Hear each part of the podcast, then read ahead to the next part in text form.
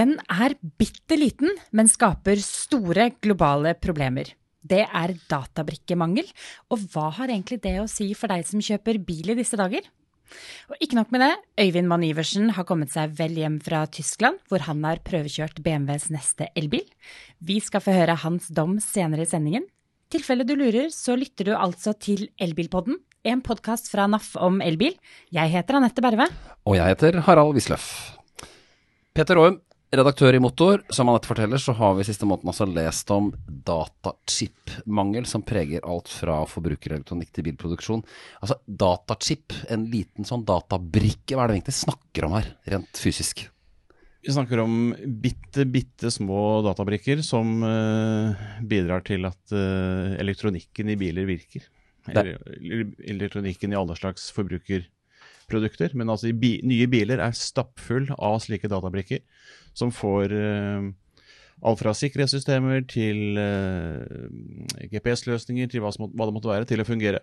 Så her er det faktisk en da del i rekken av komponenter som trengs til en bil som siste årene har blitt enda mer viktig, som det er problemer å få laget, rett og slett? Ja, Det er rett og slett, altså det som har oppstått, er at det er en, en, en mismatch mellom tilbud og etterspørsel. Og det har pandemien bidratt til. For bestillingene fra bilindustrien ble tatt ned og delvis satt på vent da pandemien brøt ut. Den, det etterslepet eh, har blitt vanskelig, seg vanskelig å, å hente inn. Andre produsenter av andre varer har liksom overtatt bestillingen, og, og bilprodusentene er kommet litt bak i køen. Bilproduksjon er ekstremt eh, komplekst, med masse, eh, masse leverandører som, eh, hvor, hvor, som, leverer komponenter og varer i tide. Altså Hele prinsippet med just in time ble i sin tid utviklet av Toyota som svar på hvordan man skulle slippe å ha store lagre av deler som ville koste masse penger. Så dette just in time-prinsippet som Toyota har, har uh, utviklet bedre enn noen, det har plutselig vist seg å skape litt problemer når man ikke fikk eh, produktene in time. Ja, for Just in time er rett og slett at en bilprodusenten har et antall deler til en bestemt produksjon liggende på lager, og så bestilles det da uh, fortløpende elektronisk, så man ikke sitter med masse deler på, masse ting på lager man ikke trenger før om en stund. Rett og slett gjøre delelageret mye, mye mye mindre. Ja, og mer effektivt. mer effektivt. Men hvis det da blir et lite brudd i denne, chainen, denne rekken her, og man ikke får tak i disse brikkene, så uh, kollapser det jo. Da blir det forsinkelser. Ja. Og det er det som skjer nå. Det er ikke sånn at man ikke får uh, disse bilene Altså nå er det nå blir det i 2021 laget nærmere mellom 9 og 10 millioner færre biler enn planlagt. De kommer senere. Hvis etterspørselen er stor nok til at man liksom utligner dette gapet. Men, men det er først og fremst en forsinkelse som rammer så å si alle bilprodusenter. Er det noen som er rammet hardere enn andre? Det er ingen som har gått fri. Det er kanskje det som er tydelig. Eh, Tesla har i noen grad gått, eh, gått klar litt, i litt større grad enn de andre. Eh, mest fordi de har, en, har hatt en gjort, hadde gjort forsøk på å utvikle egne databrikker. men også der i, i, i samarbeid med databrikkeprodusenter. Men, men de går i, i, noen større grad, noe større grad mer fri enn de andre. Men hva er det da denne komponentmangelen faktisk har av konsekvenser for oss som da er kjøpere, som sitter og venter på biler, vurderer å kjøpe biler? Hva, hvordan kommer vi til å føle det annet da enn eventuell eh, leveringsforsinkelser? Altså Leveringsforsinkelsene er helt åpenbare. Selv, selv, selv altså Skoda er et godt eksempel som hardnakket, hardnakket hevdet at det blir ikke noen forsinkelser på leveringer av Enjak. De er forsinket. De er kraftig forsinket, og av samme grunn som alle de andre, de mangler databrikker i tide. Så er det litt ulikt hvordan man har løst dette her. Noen har jo da løst det ved at de lar enkelte funksjoner eh, vente. De kan få bilene på veien, men du mangler visse funksjoner som du kan få oppgradert senere. Enten digitalt eller ved å ta bilen inn på verksted. Det er litt sammenlignbart med det Volkswagen gjorde da de sendte ID3-bilene sine på veien, selv om de ikke var 100% ferdige. Det var viktigere for dem å få noen elbiler på veien, sånn at de slapp unna EUs bøter i, i størst mulig grad. Eh, og så kunne de heller oppgradere bilene senere. Det kan, kan, være vi ser noe av det samme nå, hvis ikke man bare lar folk vente. For det er jo sånn at eh, av alt av etterspørsel av biler, så er jo ikke altså el, det, det, elbil, det, er bare i Norge elbilandelen er så overveldende. Så i de fleste andre land så er det jo ikke elbiler først og fremst som bilindustrien venter på. Nei, men samtidig så, så leser jeg jo flere eh, at flere skriver at Eh, de bilprodusentene velger å prioritere de nyeste modellene sine. Eh, at de databrikkene de har tilgang på, putter de i de nyeste modellene. Eh, og for flere og flere produsenter nå, så er jo de nyeste modellene elbilene. Så kan det da faktisk hende at det å vente på en elbil er i seg selv positivt, fordi at de velger å prioritere de nyeste bilene, ikke eldre modeller. Som Og ja. Det kan jo hende. Jeg syns den er litt interessant. Ja, det kan jo hende. Det, uansett, da. Så den praktiske konsekvensen her blir jo at uh, vi venter på komponenter som du kan finne i TV-en din. Eller kjøleskapet andre, ditt. Kjøleskapet ditt. Din. Overalt. Altså i, i, i, våre liv nå så brukes databrikkene absolutt overalt. Og det betyr nå at du kan vente noen måneder på bilen som ja. mangler den samme databrikken som kjøleskapet. Ja. Så, men man regner jo med at da, i løpet av 2022 så vil dette normalisere seg. Eh, så det er ikke noe um, det er, en, det er midlertidig, et midlertidig problem. Det er det enda godt, det. Ja. Eh, vi skal over på neste tema, og det er jo også litt i nybilsporet. Hva som skjer fremover. Det har endelig vært bilmesse igjen. Det har vært eh, bilutstilling på, i München, IAA-messen. Der har du vært, eh, Peter. Og du skrev en oppsummering da du kom hjem fra den messen, som, eh, som har gått uh, sin seiersgang på, i sosiale medier. For der konkluderte du med at uh, hvis du lurer på om bilindustrien egentlig mener alvor om elbil, så kan du slutte å lure. Den mener alvor. Uh, hva fikk deg til å trekke denne konklusjonen etter årets messe? Det er flere ting. Én ting er hva de faktisk presenterer av biler. Det som presenteres av biler, det er elektrisk. Det er bare sånn det er. Og så kan du tenke at riktig eller galt altså, Bilindustri det er, du, det, er en, det er, ikke en, liten speedbåt du kan ratte rundt med og skifte retning akkurat som uh, du lyster. Disse planleggingsperspektivene er lange, lange, lange. Og det betyr at når en stor bilprodusent som f.eks. Mercedes eller Daimler-konsernet har bestemt seg for å begynne å produsere elektriske biler, kan, hvis de gjør det på mandag, så kan de ikke slutte på tirsdag. For det, det, er, det er, rett og slett så enorme investeringer i eh, Alt fra produksjons... Altså komponentleveranser, som vi starta med i sted, eh, til fabrikker, til eh, sluttprodukt, til salgsstrukturer, til alt mulig. Som gjør at du, du, du, du kan ikke ombestemme deg bare litt fordi at eh, myndighetene lurer på om de vil gi de insentivene som de har takket om. Og ikke minst tusenvis av ansatte som også skal omskoleres. Altså I, i Volkswagen-konsernet er det 650 000 ansatte. Ja, Det sier seg selv at du kan ikke hive deg rundt og begynne med noe i morgen. Nei, og De, de som er overtallige pga. eventuell elbilproduksjon, de må omskoleres og førtidspensjoneres og hva de skal gjøre. Ikke, det er ikke handlingsrom for å vippe rundt. Bare se på norske oljeindustrien. Altså, selv så omstillingsdyktig man mener den er, så tar det tid når ting skal endres. Sånn at, eh, og det kommer jo i enda mye mye større grad inn på bilindustrien, som er større og enda mer kompleks. Men var det noe tegn til noen biler med forbrenningsmotor, eh, hydrogenbiler, eh, noen andre alternativer, eller var det elektriske eller delelektriske biler det gikk i? det går, i, det går i elektriske. Eh, det, det, er noen hydrogeninitiativer. altså Hyundai mener jo hardnakket at eh, hydrogen er en del av løsningen. og Det henger jo litt sammen med det koreanske hjemmemarkedet og hva Hyundai-konsernet ellers driver med. Det er jo enormt store på, på skip f.eks. Eh, og, og tungtransport, som gjør at hydrogen annet har en annen relevans enn den har for en, for en, en ren bilprodusent. Eh, så hydrogen er ikke begravet. BMW har jo også et, et hydrogeninitiativ. Nå var ikke Toyota særlig til stede på denne utstillinga, men de er jo også veldig tunge i sin hydrogensatsing. Men så går det i det som er mest nærliggende, og det er batteri, batterielektriske biler. første rekke eh, helelektriske, men også i noen da eh, ladehybrider. Men litt til den overskriften du hadde på ingressen du hadde på artikkelen på motor.no. Det er nesten så uh, De tør jo ikke sette fram en fossilbil midt i utstillingsområdet nå. Det...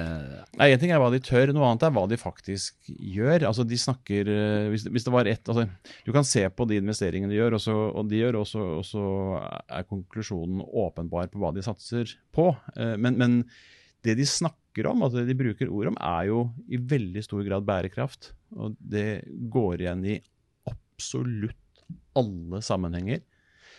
Så kan man spørre seg om det er hvor grønn er den bærekraftige satsinga. Vel, uh, det er det de sier. Det er de produktene de lager. Eh, og, og, jeg mener særlig tydelig på Særlig tydelig hos BMW, som, som det de viser, er, er en tenkning av en en bil som ikke har noe eh, CO2-utslipp, verken i produksjon eller i, i, i drift. Og de at det er, dette er den retningen vi skal i. De viser av en skisse av en bil som aldri blir produsert, men som likevel illustrerer hvilken retning konsernet beveger seg i. Mm. Og det er, det, det er i retning av bærekraft, den typen bærekraft som man snakker om i bedrifter i Norge som skal Eh, som type sånn Nordic Choice og disse hotellkjedene som, som i sin kommunikasjon er veldig tydelig på at uh, fotavtrykket skal være mindre. Hva er da tidshorisonten på det som ble vist frem? Som du sier, det er noen konsepter som aldri kommer til å bli realisert, eh, realisert, men det viser en visjon og hvor de er på vei. Men det var jo konsepter der som man kan forvente at kommer til å rulle på veien til slutt i en eller annen form? Men hva er tidshorisonten på det som ble vist frem? Altså, den overordnede tidshorisonten for alt dette her er målet om eh, karbonnøytralitet i 2050. Og der er det, Det legger føringer for så Både Toyota og, og, og Volkswagen har jo som mål at de skal ha en karbonnøytral produksjon i 2050. Og så har f.eks. da bare Mercedes sagt at uh, ja, eh, her i Daimler så tenker vi at vi forholder oss til dette 2050-målet, men i og med at biler har en viss levetid, ti år i gjennomsnitt, så sier vi 2040. Og så skal vi, sier vi at i 2040 skal vi være karbonnøytrale, og det legger noen føringer for hva vi gjør i morgen, hva vi gjør neste måned, hva vi gjør neste år. Men det går i samme retning. Veldig interessant. Veldig spennende om denne bransjen, som på få år har gått fra en måte å uh, være på til noe helt annet. Uh, og nok en bilmesse, eller for, for, for en gangs skyld en bilmesse. På, er det første på to år du er på? Det er første på to, ja, halvannet to år, ja. Mm. Men jeg tror det er viktig å huske på at uh, man kan lure på går det fort eller går det sakte. Og så tenker man at denne, disse utslippene må ned nå. Men det går, I bilindustrien går det ekstremt fort. Mm. Når du tenker på hvilke størrelser og hvilke produksjons... uh, vi snakker om. Uh, så at dette kan man være litt sånn uenig om hvem som ligger fremst i løypa osv. Uh, det, det går veldig fort i en retning, og nesten alle bilprodusenter beveger seg i samme retning. Mm. Og da tenker jeg vi skal over til en som uh, har utviklet seg sakte, men sikkert. Ja. Uh, kommer sent med sine siste satsinger, men kommer absolutt godt. Og det er BMW. Det er rett og slett BMW. Vi hadde jo, vi hadde jo BMW her i studio for eh, et par uker siden. Som fortalte om hvorfor det. Hvorfor man da har skyndet seg sakte. Uh, og, men allikevel ikke vært noe, ikke vært noe, noe vise på dette her. Altså, BMW har hatt elbil i Norge siden 2012-2013 med I3-en, som har gått sin særsgang. Og nå, Eivind Monn Iversen, nå har du vært og kjørt en som er en litt annen størrelse og klasse enn I3. Ja, jeg har for så vidt kjørt uh, to BMW-er. Både IX, som er den da nye, store SUV-en med firehjulsdrift og masse plass og et spektakulært design. Så har jeg også kjørt I4, som er en mer sånn ligner en BMW 3-serie med sånn kjøremaskin. Klassisk eh, morsom bil å kjøre. Inkarnasjonen på Eller 3-serien er på en måte inkarnasjonen på kjøreglede for, som folk flest kan kjøpe. Så dette er da en elektrisk eh, I3 mer eller mindre. Men den store IX-en er jo den som folk snakker om, og som har gått, uh, gjort disse kommentarfeltene våre rimelig varme den siste tiden. Etter at vi har vist bilder både av forside og bakside og interiør. Så det er en veldig eh, utrolig spennende bil, vil jeg si. Både å se på og kjøre og oppleve. Ja, for der er det jo spesielt grillen som er den store snakkisen. Mm. Grillen er den store snakkisen, og den er ekstremt stor og høy. Og så vet man jo at elbiler i, prinsippet ikke trenger grill, så det er ikke rart at det blir et diskusjonstema. Men her er jo BMW opptatt av å bevare sitt eh, designmessige DNA. Alle vet hvordan en BMW ser ut og hvordan den kommer til å se ut i overskuelig framtid. Så den grillen må vi bare leve med. Og, og jeg som har da vært og sett den live i to-tre dager, jeg, det er et design som, som kryper innpå en, og som blir finere og finere jo mer du ser den. Så det er en bil som eh, Det designet der kommer til å leve lenge i, i trafikken. og ja, blir man vant til det, eller man trenger litt tid på at sansene skal fordøye alle inntrykkene. Men det er ofte sånn med godt design at det krever litt av, av betrakteren, og etter hvert så blir et godt design som i utgangspunktet ikke er så fint, blir veldig fint etter hvert. Ja, jeg, må si, jeg, måtte, jeg, måtte, ta det opp på nytt på, på Mac-en her, og jeg ser jo Jeg har sett den før, men det er fortsatt uvant. Og det er spektakulært, altså, det må jeg si. Det er bevertenner? Det er bevertenner, men uh, det kan hende det er som Øyvind sier, altså. At det går litt tid, og så ser man liksom helheten der. Det er jo ikke, noe, det er ikke gjort bevisstløst, dette her. I hvert fall ikke av BMW. Nei, og man kan jo se på, på I3, som du nevnte, som er jo i dag, i åtte år etter at den ble lansert, så er det jo fortsatt eh, Den fortsatt ser jo frisk og fin ut og, og, topp moderne, og fortsatt så er det folk som ikke helt klarer å venne seg til det designet. Så BMW vet akkurat hva de driver med, og de de, de, satser eh, langvarig og på sikt biler som skal holde seg lenge i markedet. Men kan du ta oss og summere opp de måte eh, mest attraktive egenskapene til eh, IX, og hvordan den da kommer til å treffe i det norske markedet slik det er, slik det er nå? Ja, jeg tror at kanskje den mest attraktive egenskapen er nettopp det vi snakker om designet. At du får en bil som, som skiller seg ut og som er helt spesiell, og som du kan individualisere sånn som tyske premiemerkene er flinke til. At du får en bil som, som, blir helt din egen, med farger og lakk og felger og interiør og alt mulig sånn. Men så, så, også, så har den også vanvittig med krefter, og den har en enestående komfort. Nå har ikke jeg lov til å si altfor mye om bilen foreløpig, for den rammet av en sånn embargo, eller sperrefrist som det heter, fram til onsdag 29., men da kan man lese dette på motor.no litt mer. Men eh, og så har jo BMW vist i disse rekkeviddetestene våre at de har uh, vært flinke til å utvikle ekstremt uh, energieffektive batteripakker, som gjør at disse store bilene forbruker lite og går langt og er veldig pålitelige, disse rekkeviddetallene som de opererer med. Så, så du får en uh, ja, Som vi har snakket litt om, så jo, kom jo BMW sent inn i dette segmentet her med en fullverdig SUV med firehjulsdrift, men når de, når de først kommer, så leverer de virkelige varene, virker det som. Det jeg husker også, den var jo, den var jo i byen før sommeren. Eh, Peter, vi var og tok en, eh, tok en titt, og det jeg også la merke En sniktitt. Ja. Det jeg også la merke til, er at de, eh, de ønsker å holde folk ute fra under panseret. Så det er jo ikke frank på den, selv med den store, den store fronten. Og spylevæsken kommer du bare til ved å åpne BMW-logoen. Mm, så du skal ikke åpne det panseret. Og det syns jeg Det er en utvikling vi ser hos flere produsenter. Ja. Artig detaljer. Vi tør ikke å slippe oss inn der nei, lenger. Det er en mystisk bil dette her, Øyvind. ja, nei, det er litt mystisk, men det er jo noe vi bare venne oss til at eh, under panseret har vi ikke noe å gjøre lenger. Så enkelt er det. Mm. Det er uh, andre som sitter med en datamaskin langt unna som opererer. Men du har også prøvekjørt, du har prøvekjørt flere veldig interessante nyheter uh, denne sensommeren. Uh, Tesla Model Y, Byd tang. Men den som vi har diskutert uh, mest oss imellom, er jo Nio, og spesielt da dette batteribyttekonseptet deres. Og det tror jeg mange er nysgjerrig på. Ja. Det er liksom en helt annen tilnærming til til elbil. Ja, og her er det jo noen som har prøvd seg før. Tesla hadde et eh, prøveprosjekt i California. Har faktisk vært på den uh, ladestasjonen, som, uh, eller swappestasjonen, som da var den nedlagt da jeg var der. Og så har det vært et, noen prosjekter i Kina om batteribytte. og liksom Men Øyvind, for, forklar dette her, altså NIO batteribytteprosjektet, eller konseptet. Ja, det er jo i utgangspunktet en bil du kan kjøpe uten batteri.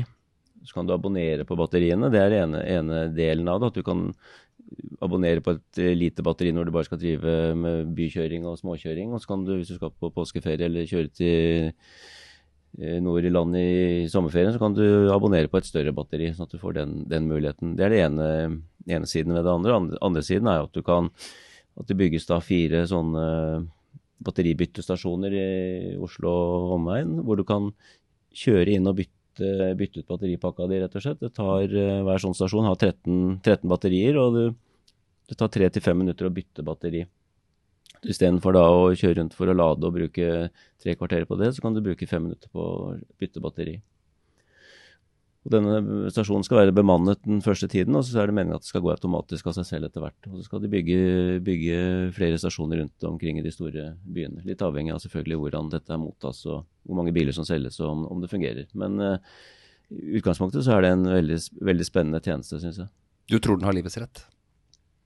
Jeg tror vel Jeg er litt skeptisk til eh, Men sånn er det jo med alt som er nytt og, nytt og spennende. Men eh, det er en ekstrem høy investering sånn kostnadsmessig fra NIO. Så de er jo avhengig av å selge biler og ja. Så det blir spennende å se. Men eh, kanskje litt skeptisk til eh, Hva tenker du, Peter? Du har jo også hørt om disse tidligere prosjektene hvor man har uh, med mer eller mindre suksess. Ja, det var jo et prosjekt i Norge også. Eh, investorer som skulle starte opp det samme prinsippet i Norge. Eh, jeg, jeg, jeg kan, jeg kan, det, gir mening på steder hvor du ikke får ladet. Eh, storbyer som eh, Hvis du står i Shanghai og ser rundt deg, så, så er det ikke noe Du skjønner at det ikke er plass til ladestasjoner overalt. Det er, det er rett og slett, det, Arealet finnes ikke. I Norge kan jeg ikke skjønne at det gir mening, fordi de aller, aller fleste kan lade hjemme. Eh, det kommer etter hvert borettslagsløsningene som i tråd med hva som er nødvendig, men, men eh, hvis ikke du bor et sted hvor du sjelden får lada, så gir det ikke mening.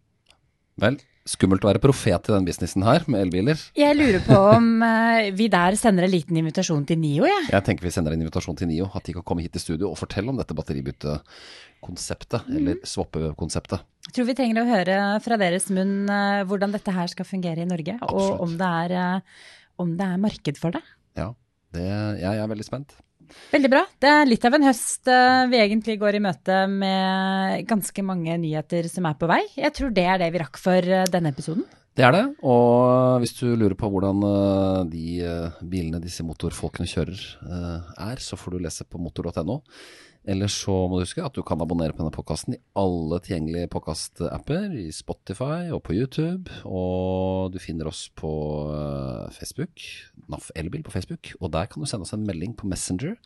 Og så finner du info på masse artikler på naf.no elbil. Ja, og på Instagram også. Og i studio som alltid, altså. Eh, Peter Roym, Øyvind Monn Iversen gjester i dag. Eh, Anette Berve, Harald Isløff her. Og Peter Jacobsen på regi og teknikk. Så ses og høres vi igjen om 14 dager. Ha det bra så lenge. Ha det godt.